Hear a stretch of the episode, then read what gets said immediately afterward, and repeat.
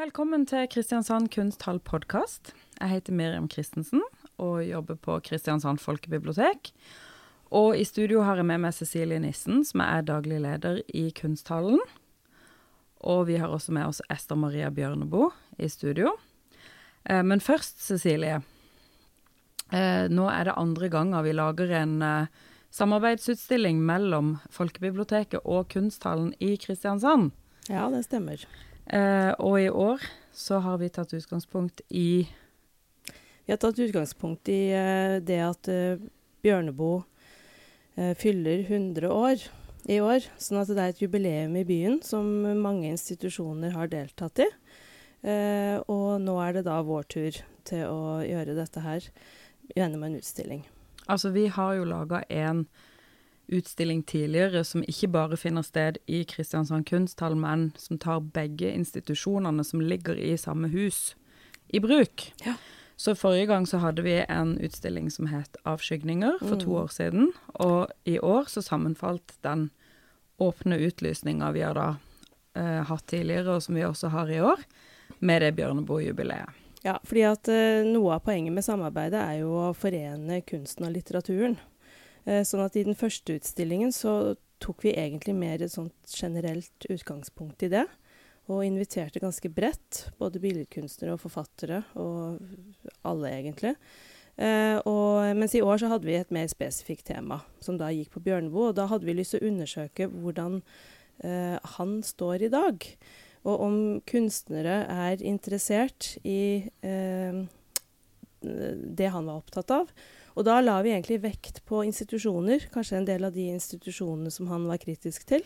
Så det skrev vi noe om i utlysningsteksten. Og da fikk vi inn veldig mange søknader. Mm. Ja, altså vi fikk jo inn over eh, Eller nesten opp mot 200 søknader mm. til denne her uh, utstillinga. Og så har vi endt opp med å eh, ta inn 16 kunstnere. Og vi inviterte også en kunstner, Ja. og det er hun som vi sitter med i studio i dag. ja. Ja, Ester Maria Bjørneboe. Men i tillegg til Ester, så er altså de andre uh, kunstnerne på denne utstillinga Alexander Johan Andreassen, Fredrik Berberg, Katrine Eveli, Gard Fransen, Hilde Honnerud, Una Line Re Hunderi, Terje Nikolaisen, Schwandler Kvaradaki, Siri Hermansen, Tine Aamodt, Katarina Skjønsberg, Nikhil Vetukatil og Lasse Årikstad. Ole Kristian Ellestad og Helene Sommer. Veldig fin liste. Og Mm. veldig mange fine prosjekter Absolutt. som tar for seg uh, mange av disse institusjonene som vi snakka om, og disse rommene Ja. som også Bjørneboe Ja. var opptatt av. Jeg synes de, ja, det, det, det har vært kjempeinteressant å se hvordan eh, kunstnerne har svart på den utlysningen, og hvor stor interesse det er for uh, den tematikken, hvis man kan kalle det det, uh, fortsatt. Og hvor aktuelt det er. Altså hvor aktuelt det Bjørneboe var opptatt av uh, er fortsatt. Så det, det er flere institusjoner da som er på en måte belyst eller ja vist fram kanskje i utstillinga. F.eks. skolen, um, fengselet. Eh, og, vi, og mye handler om utenforskap. Eh, sykehuset er også en institusjon som er Eller psykiatrien, da. Eh, også da rettsvesenet. Og det er jo der Ester kommer inn i bildet, kan vi vel si. Det er det. Og eh, jeg tenkte at jeg skulle begynne med å spørre deg, fordi at du er jo altså ved siden av, du er jo billedkunstner. Det er jo det du er til vanlig. Men de siste 20 årene så har du også jobba som rettstegner. Eh, hvor du har sittet i, i store saker.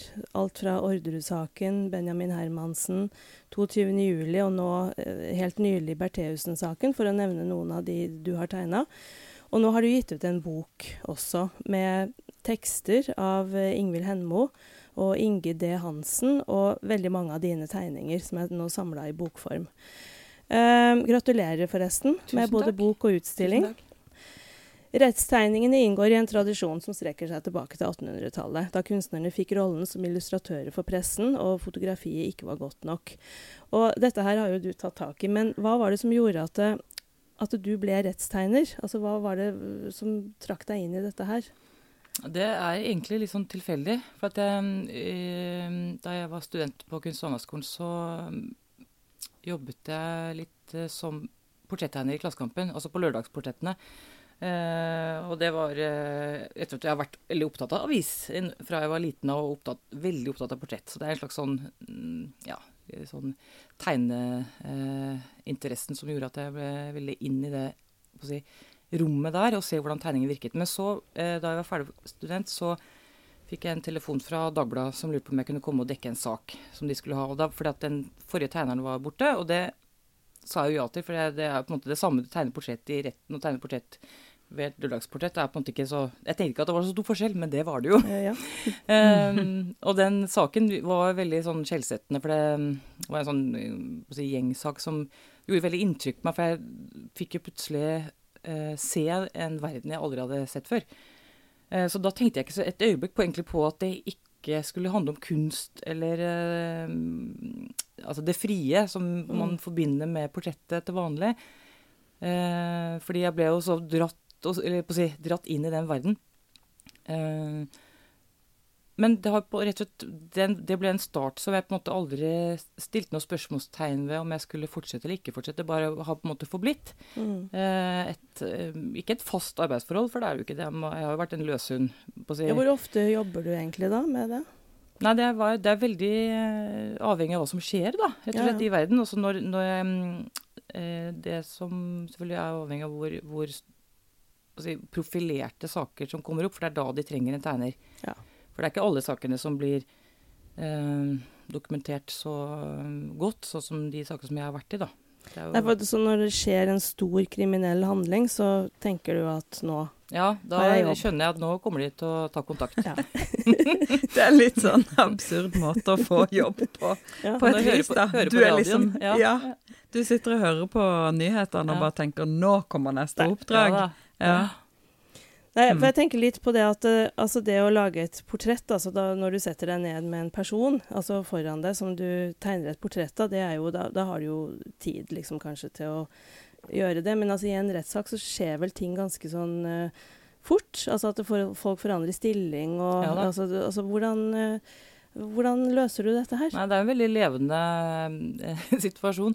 Så det som jeg har eh, i- altså, funnet ut av etter hvert, er at eh, jeg eh, begynner litt sånn rolig og disponerer på en måte og tenker hva er det jeg skal formidle her. Eh, og det er jo avhengig av hva som foregår akkurat der og da i øyeblikket. Så det, en rettssak begynner jo veldig sånn ja, veldig forutsigbart, da, for at jeg har jo den frie forklaringen til tiltalte som man begynner med. Og da får jeg ofte litt tid og ro til å liksom dykke inn i tiltalte. Og så er det den eh, neste hendelsen er jo det at aktoratet eh, har utspørring. Og da skjer det nye ting. For da endrer tiltalte seg ofte eh, fordi den konstellasjonen aktor og tiltalt kan jo bli litt eh, eh, Ja, om ikke aggressiv, så er det i hvert fall det det skal frem noen nye svar enn det som kommer frem i den frie til, eh, eh, forklaringen. Da. Mm. Ja, da blir det på en måte en slags angrepssituasjon ja, ja. hvor man plutselig går i forsvar. Ja, og så er det selvfølgelig at da, i, i dette så ligger det jo det bevismaterialet. Og da Mm. skal jo tiltalte forholde seg til bevisene og svare på hva, hvordan, hvordan stemmer dette med din egen forklaring. Kan Mm. dette, liksom, dette hører jo ikke sammen, eller ikke sant. Mm. Og da endrer det seg veldig kroppsspråk, og hvordan tiltalte oppleves, og stemmen kan forandre seg. Eh, så jeg som sitter her og tegner, blir jo veldig oppslukt av eh, det jeg tegner. Så det er på en måte jeg, Logisk sett så sitter ikke jeg og også vurderer om det stemmer eller stemmer ikke, men jeg på en måte går rett med hud og hår inn i Mm. situasjonen, da. Men sitter du veldig nærme tiltalte når du tegner? Ja, altså det er ikke så, så Disse rettssalene er jo ikke så store, på en måte, men det, selve pressebenken er jo ganske nært opp til eh, Ja, det er en avgrensning og en lukket dør, men jeg sitter på en måte kanskje bare ja, Er det to-tre meter, kanskje, unna? Ja, såpass, ja. Ja. Ja. Det er jo nærme. Ja. Mm. Altså, I denne her eh, boka som nettopp har kommet ut, uh, 'Forbrytelsens ansikt', så er det et langt sånn introduksjonsessay av Ingvild Henmo. Og der skriver hun litt om forskjellen mellom fotografi og det historiske maleriet og rettstegningen. Og der skriver hun egentlig noe som eh, handler litt om det som du snakka om nå. Mm. Nemlig det der at du ser på en person, du ser, sitter og ser på den tiltalte, og så er det jo ikke altså Som i fotografiet så fryser du fast ett øyeblikk, Mm. men hun skriver at du på en måte tegner en komprimert tid Mm. i ett bilde. Mm.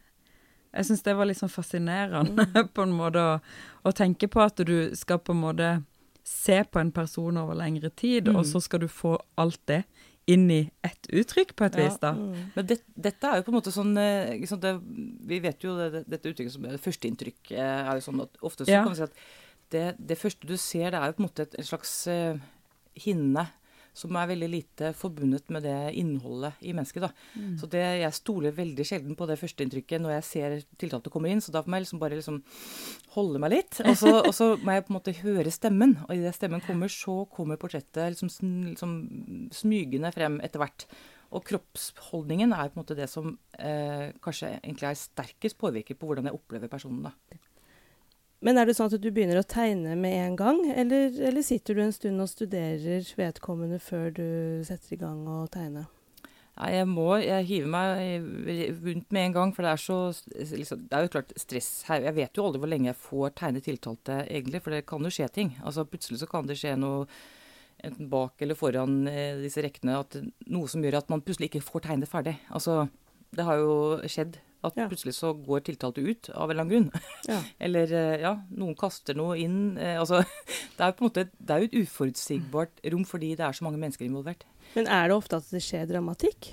Ja, Altså- ikke kjempeofte, men, det, men det er, altså jeg blir ikke overraska lenger over at plutselig så er det lukka rett eller et eller annet som, skjer. da.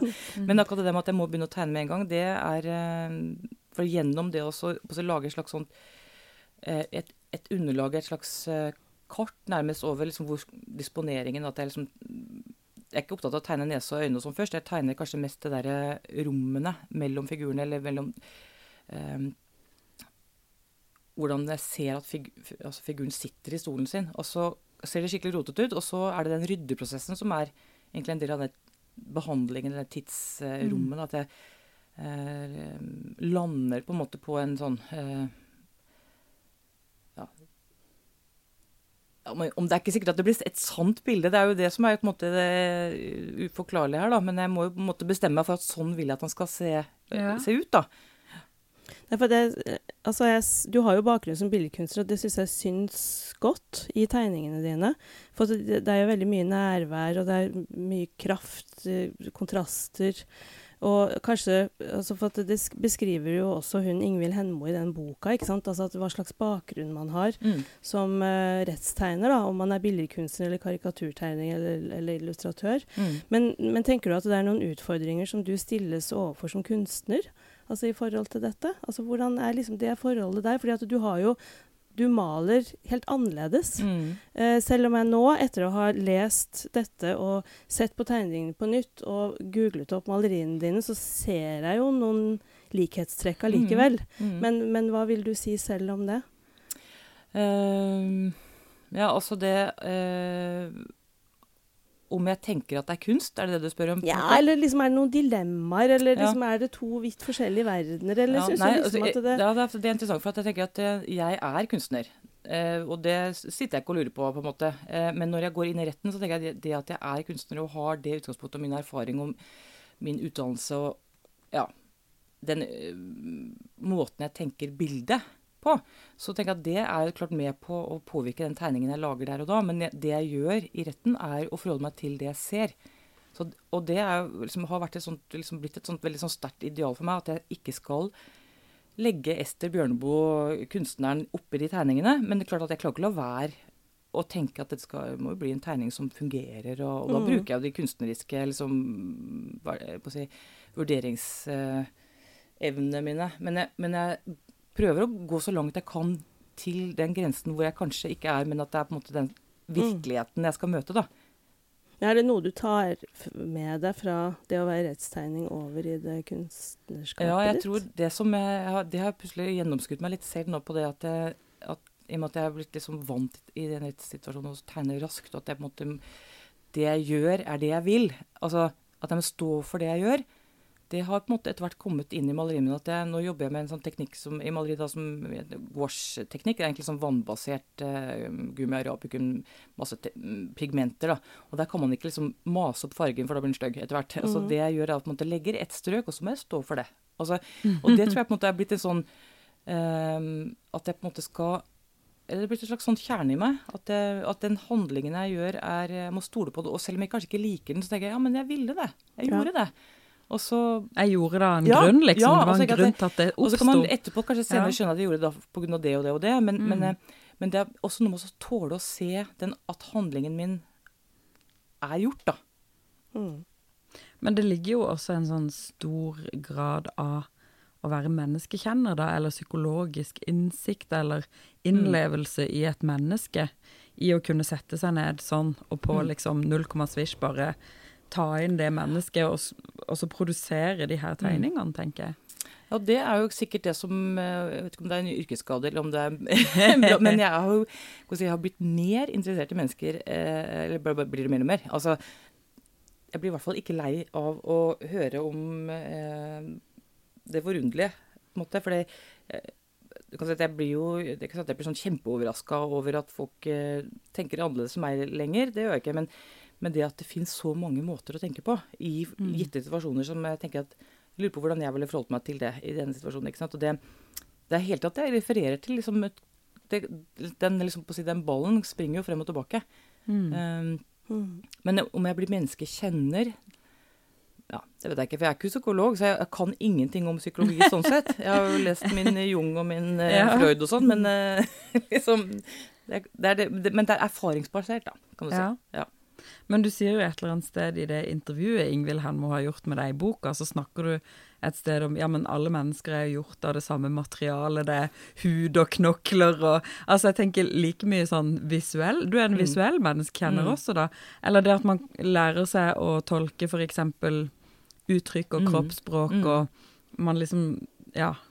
For ja. Det, vi er jo alle sammen den samme mm. typen vesener, liksom. Sånn at man lærer seg noen sånne ja. tolkningsrom. Ja, og det er også det der med f.eks. å se et menneskes uh, endring i løpet av en uke eller to i retten, det har jo etter hvert ser jeg jo tydeligere på en måte nå, Og nå er, han, han kommet dit at det, liksom, nå skjer det noe her, ja. At, at, han mister ansikt. Han klarer ikke å holde liksom, eh, forklaringsmodellen sin oppe. Nå kommer det noe så, nå kommer det ubehagelige at eh, eh, han blir det lille mennesket som han aller helst ikke vil være i retten. For han mm. ønsker å fremstå som eh, noe troverdig, da. Og så mister han troverdighet.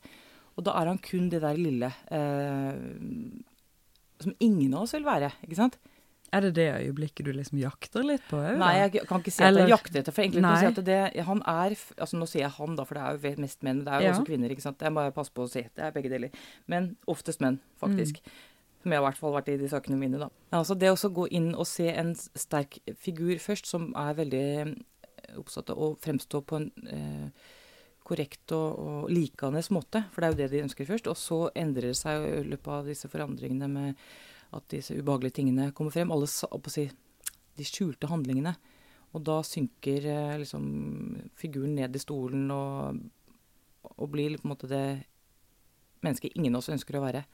Et uh, nedrig menneske, da. Har du noen mm. eksempler på når det skjer? Altså Hva er det som gjør at folk eh, sånn um, går fra å være den selvsikre til uh, å synke ned? Har du noen sånne konkrete eksempler på når du har opplevd at det har skjedd? Ja, det, det skjer nesten alltid, på en måte, men uh, veldig tydelig var det jo i 22. juli-saken.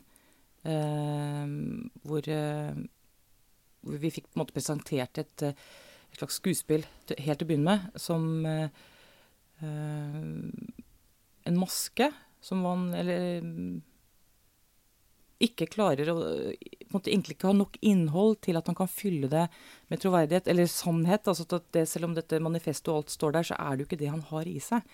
Og det er jo det, Han er ikke profesjonell skuespiller, ikke sant? Så det, han blir jo Det syns jo hva han er et, etter den femte dagen hvor han har liksom, sin egen flieforklaring, så, så, vises jo det eh, at han er en ung mann som eh, ikke har fått til livet sitt.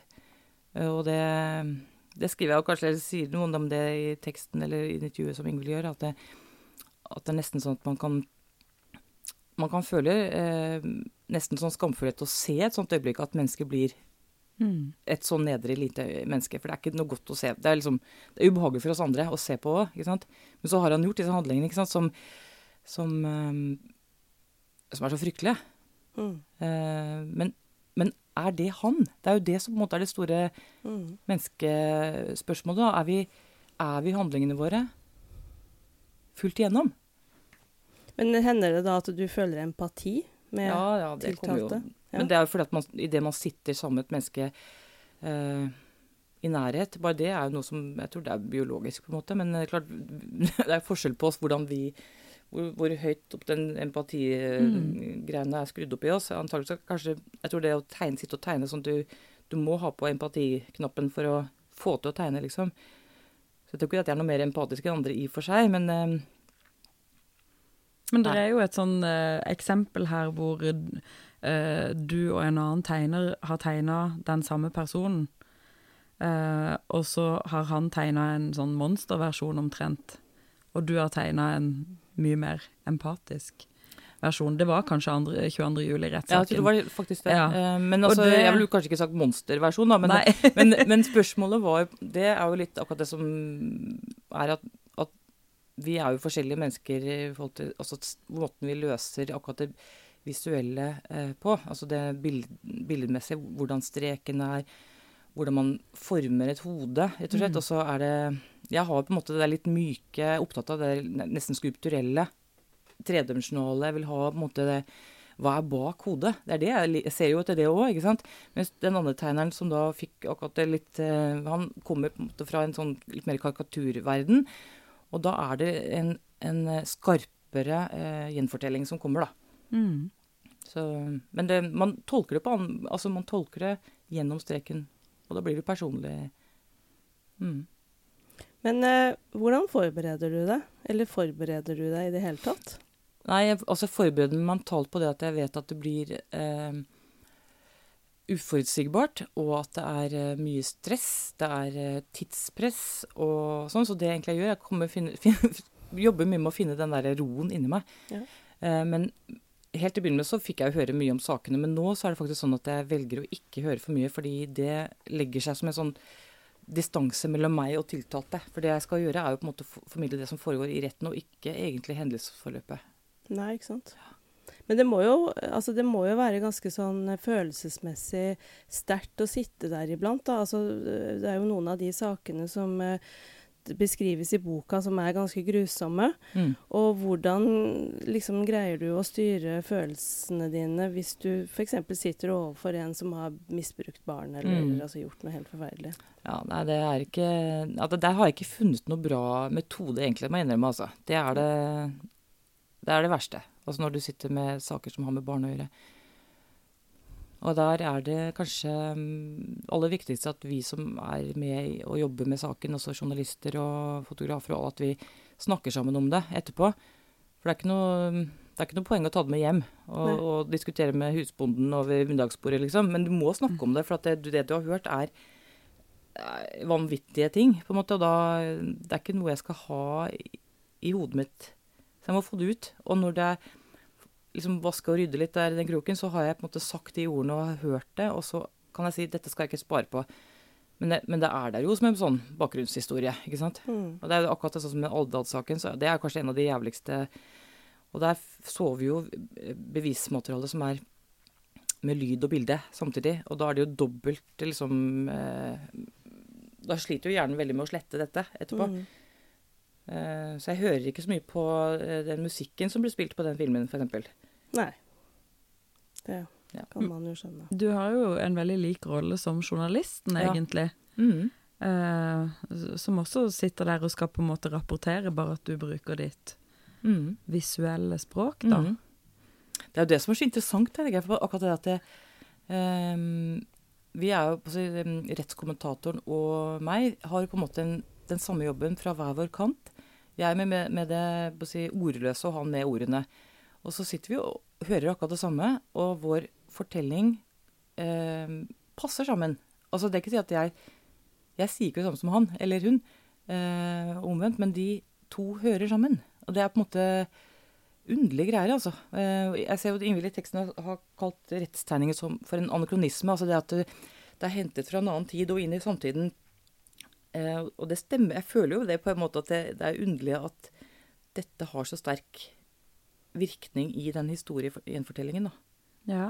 ja. For kan du ikke si litt om det med, med det historiske, mm. eh, med rettstegningen? Fordi at det har jo vært eh, eh, forbudt å fotografere i rettssaler i Norge siden var det 1984 eller noe mm. sånt.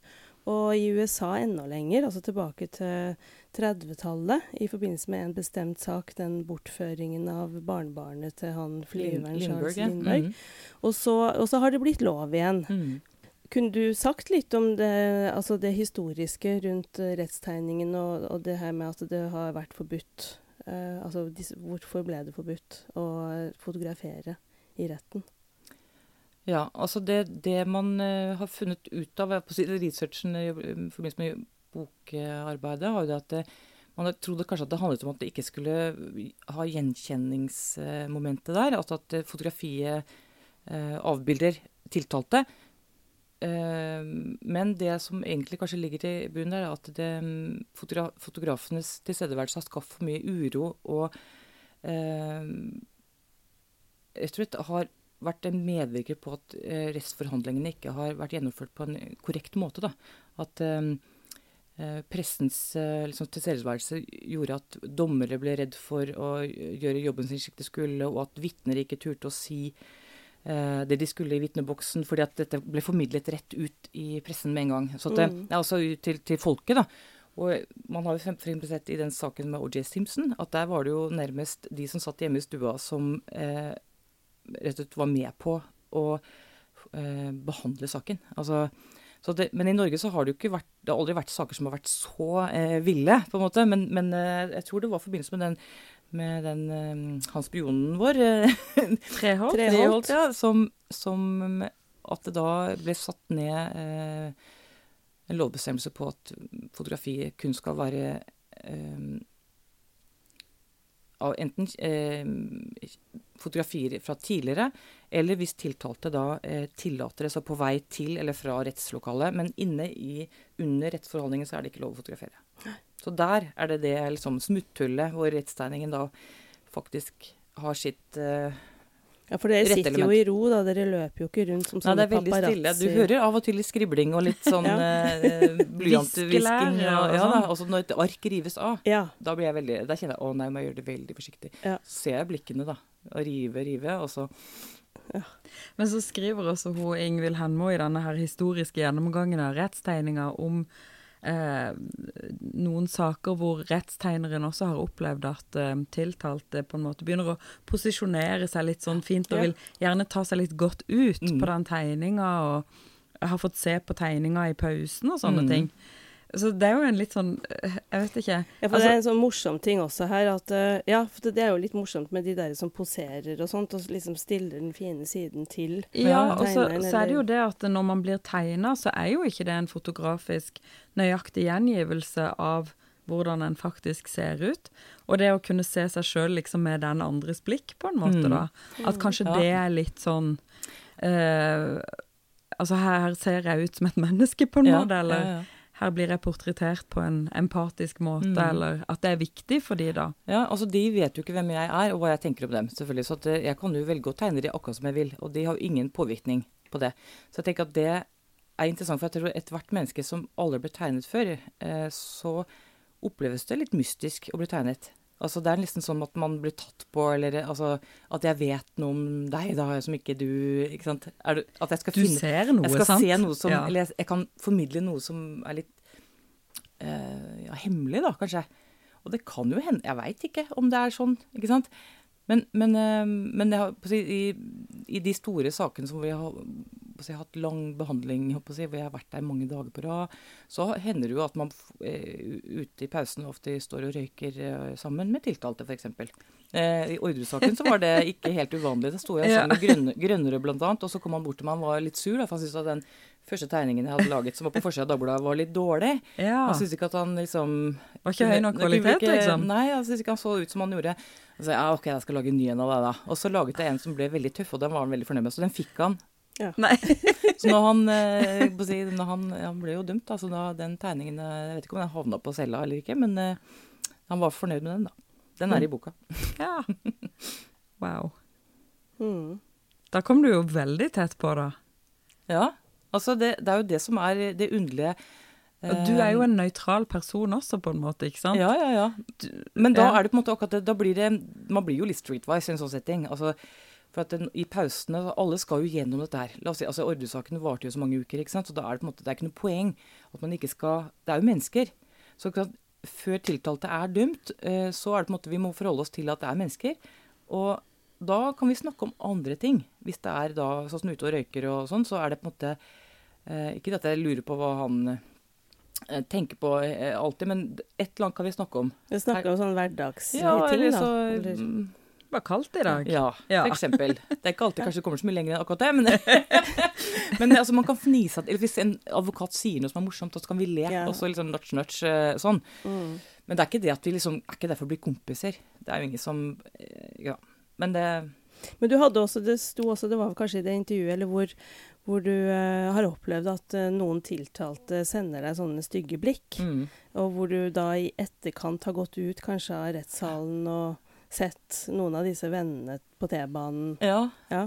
Altså det, det, Helt i starten så, så opplevde jeg det veldig altså Rett og slett litt sånn skremmende, for jeg skjønte ikke helt liksom hvordan det fungerte. Eh, hvilken rolle jeg hadde. Og da følte jeg litt det hudløse at, liksom, at jeg plutselig var litt utsatt, på en måte. Mm. Eh, men, men etter hvert så har jeg skjønt at det, er jo, det gjelder jo alle som er i den rettslokalet der. At det er jo på en måte Alle som sitter og hører på tiltalte, er jo en del av de som plager han, på en måte. Det er ikke bare meg. Mhm. Så det er på en måte, jeg har lært meg det litt når jeg har blitt litt uh, eldre, da. At ikke det er noe jeg skal tenke så mye på. Nei. Det er bra. Mm. Men det er jo en sånn eh, et, et krysse en eh, fra et eller annet til et annet. Å gå fra liksom studioet sitt som billedkunstner, være helt i det fri, Mm. kun være i sin egen verden, og så plutselig inn i det maset der, da. Ja. Og så ta med seg de der Allikevel ta med seg det samme på en måte redskapene da, Mm. som man bruker ellers. Ja, det er altså, Nå har jeg gjort dette så mange år, og jeg begynte med det da jeg var relativt ung, så det, det har vært en del av livet mitt, eh, rett og slett. Så for meg så er jo ikke det noe stor kontrast. Men jeg skjønner at det ser sånn ut. Altså, I hvert fall når arbeidet mitt på atelieret er eh, veldig sånn prosessuelt og jobber med abstrakte malerier og mye farger og, og helt andre spørsmål jeg jobber med. Masse komposisjonsdilemmaer liksom, og formatene og kjempestore malerier. Altså, det er noe helt annet. Men, men det å gå inn i dette er jo da eh, Plutselig så jobber jeg med jeg jobber med komposisjon, og jeg si, forvalter et format der òg. Eh, men jeg skal formidle noe. Det er et oppdrag. Jeg skal, jeg skal eh, fortelle en historie som ikke er min. Men det som er så deilig med det, er på en måte at det er noe med øyeblikket, og det er noe med samtiden, og det handler om oss alle, på en måte. Det er, ikke, det er godt å slippe seg sjøl, da. Og det er jo det som er med når du jobber med kunst, at du kan jo bli litt lei av deg sjøl. Og det er fint å bare få den døra bare uff, som et sånn Mm. pust ut Mm. av sitt eget, da. Så dette har jo på en måte blitt en del av ditt kunstnerskap også, da, Ja, absolutt. på et vis. Du har liksom to forskjellige årer. Ja, men til å begynne med så, så, så var ikke den rettstegningen egentlig noe som jeg snakket så mye om i billedkunstverden. Og det tror jeg kanskje handler om at det, nettopp det der avis eh, I vår tid så har ikke måte, avistegningen hatt en sånn stor stjerne. da, så det, For meg så var det liksom en del av min kropp og min, eh, si, mitt liv, men ikke noe som var del av billedkunst. Eh, det er ikke det jeg har stilt ut. da. Så Hver gang jeg har hatt utstillinger, jeg har jo hatt massevis av utstillinger, men aldri med rettstegninger. Så dette, denne utstillingen her er jo første gang dette blir stilt ut i et kunstrom, og det er litt underlig Jeg føler det er veldig riktig nå, men det er ikke sikkert det hadde vært riktig for ti år siden. Nei, fordi altså, det er også en sånn Det skriver jo Ingvild Henmo om i boka. eh, Det der med rettstegningen som sjanger. Og at den har på en måte en uklar verkskvalitet. Mm. Som gjør også at det ikke det finnes så mye sånne tegninger i museumssamlinger f.eks. Mm. For eh, fordi at det da kanskje ikke har hatt så høy status blant kunsthistorikere. Men at det kan, er det litt i endring? Altså, Ja, altså det er jo det Jeg har jo endret syn på hva rettstegningen er eh, opp igjen i disse årene. Så nå tenker jeg det, også selvfølgelig gjennom den prosessen vi har hatt med boka. så ser jeg at det er jo en Altså det henger jo Det er jo som perler på en snor. Altså dette med, med hvordan kunsten har gått inn og ut av samtiden og øyeblikket. Eh, og dette med liksom, hva er det å jobbe med, et, med oppdragskunst, da.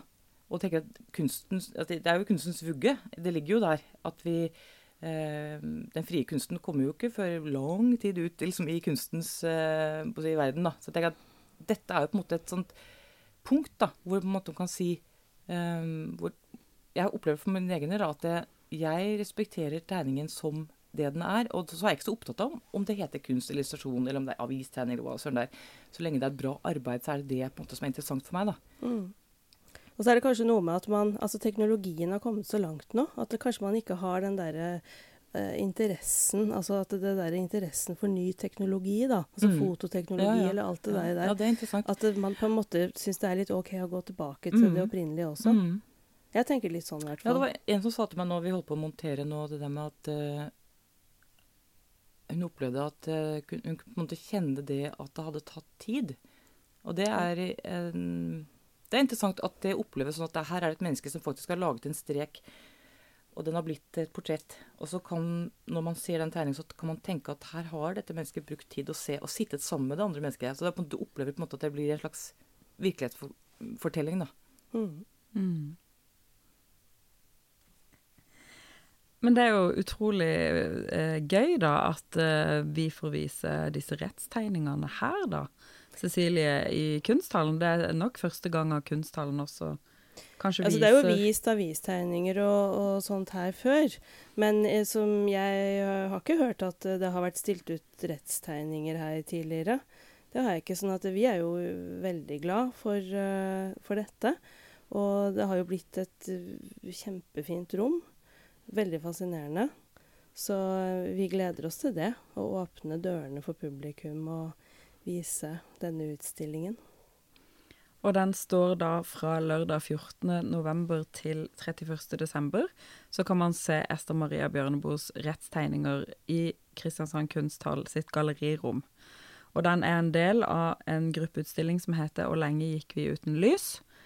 Uh, og man kan se arbeider i alle fire etasjene på Kristiansand folkebibliotek og kunsthall.